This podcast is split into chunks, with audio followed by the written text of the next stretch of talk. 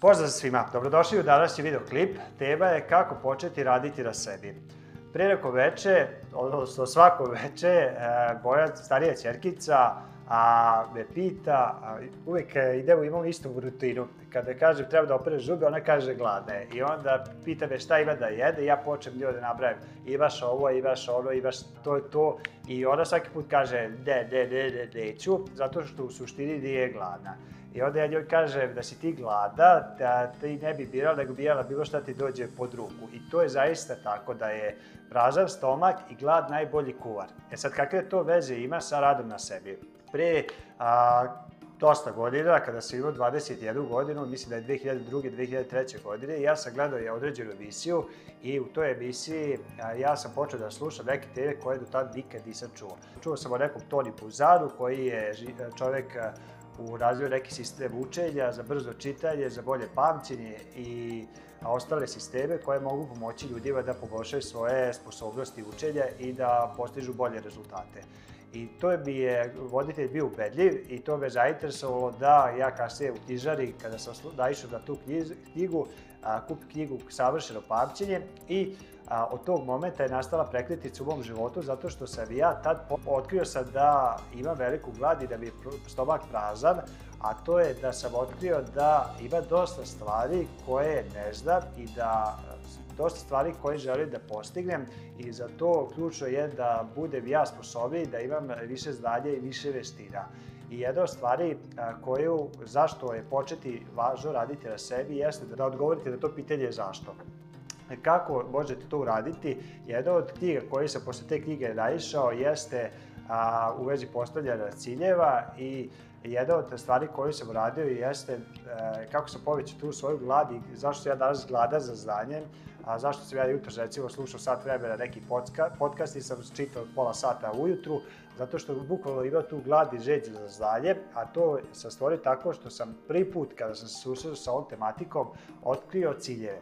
I ciljevi su neke stvari koje zaista mogu stvoriti tu glad, da možda veštačku u početku, ali kasnije će prestati pravo. Tako što kad počnete da pišete ciljevi, da razmišljate o ciljevima, vama će početi da se stvara jedan veliki vakum u odnosu na koju trenutnu situaciju imate.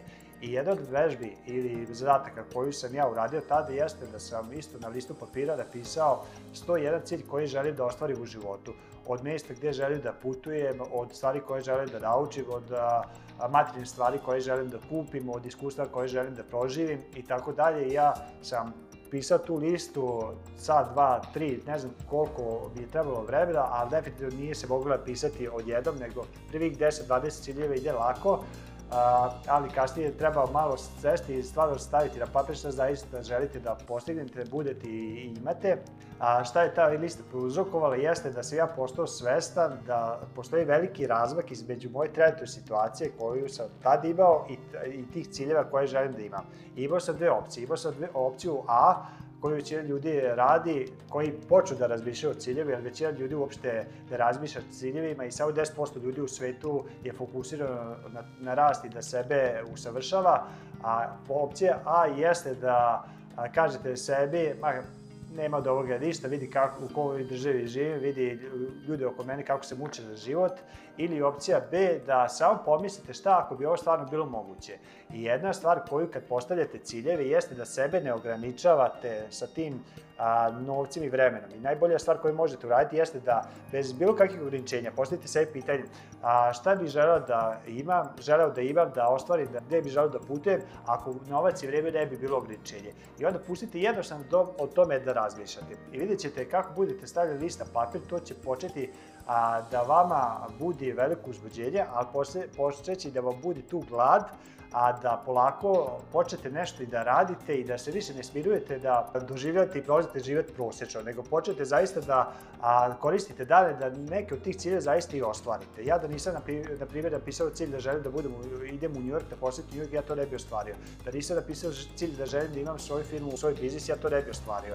I tako neke slične ciljeve. Važno je da vi budete toga svesni, da imate te ciljeve i kad počnete gladi, onda neće biti problem uopšte da počnete da radite na sebi I u suštini što treba samo da radite jeste da pratite taj neki svoj osjećaj i da kupite jednu knjigu, drugu knjigu, pogledate neki YouTube video na tu temu, postavljate pitanja, odlazite kod ljudi koji su to ostvarili da im, i da učite od njih i što je još važnije, da se ne zavisi samo na informacije, nego zaista da, da to i primenite i da, da ostvarite, dobijete neki feedback koji u većini slučajeva prvi put kad nešto uradite nikad to nije onako kako ste hteli, ali ako budete dovoljno uporni i budete to dovoljno puta ponavljali, vi ćete a, postati sve bolji i bolji. I zaista ključ kako da iz, između te tačke A gde ste sad i tačke B, svih tih cilja koje želite da ostvarite, kako do njih da dođete, jesu ta znanja i veštine kao što sam rekao.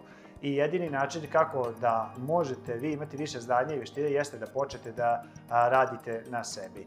Ja sa 21 godinom, kada sam prvi put došao u kontakt sa ovim informacijama i sa ovom opšte idejom da, da se ja mogu poboljšavati, a pre toga je moj život bio takav da sam a, ustao u 9-10 sati, gledao sam televizor po 2, 3, 4, 5 sati dnevno, gledao, pratio sam a, utakmice, sve, igrao sam igrice po par sati dnevno, a, imao sam desetak kilograma više, uopšte nisam se obazirao na to da li je bitno ili nije bitno, mislio sam da je tako, a, da je to tako jednostavno kako je i ne mogu tu ništa da uradim.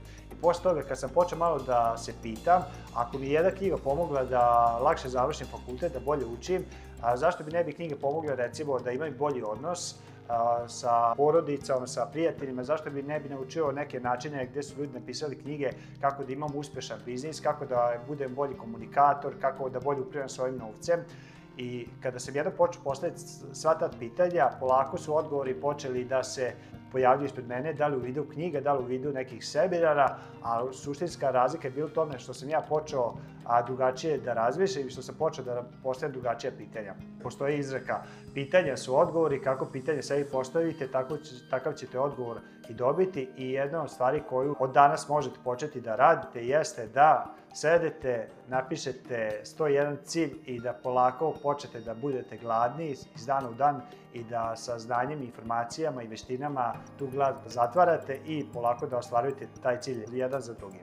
I na kraju nije bit uopšte koliko će trebati vremena, a vreme svakako prolazi, samo pitanje da li ćete vi biti zadovoljni kad pogledate pet godina unazad, da li, je, da li ste proživali život kakav ste zaista hteli, koji vas ispunjava ili ste samo a, živjeli prosečno i za kratkoročna zadovoljstva. Nadam se da vam je ovaj video bio inspirativan. Ukoliko vam se sviđa, možete ga lajkovati, podeliti i ako imate pitanje komentarisati. I do sledećeg videoklipa veliki pozdrav!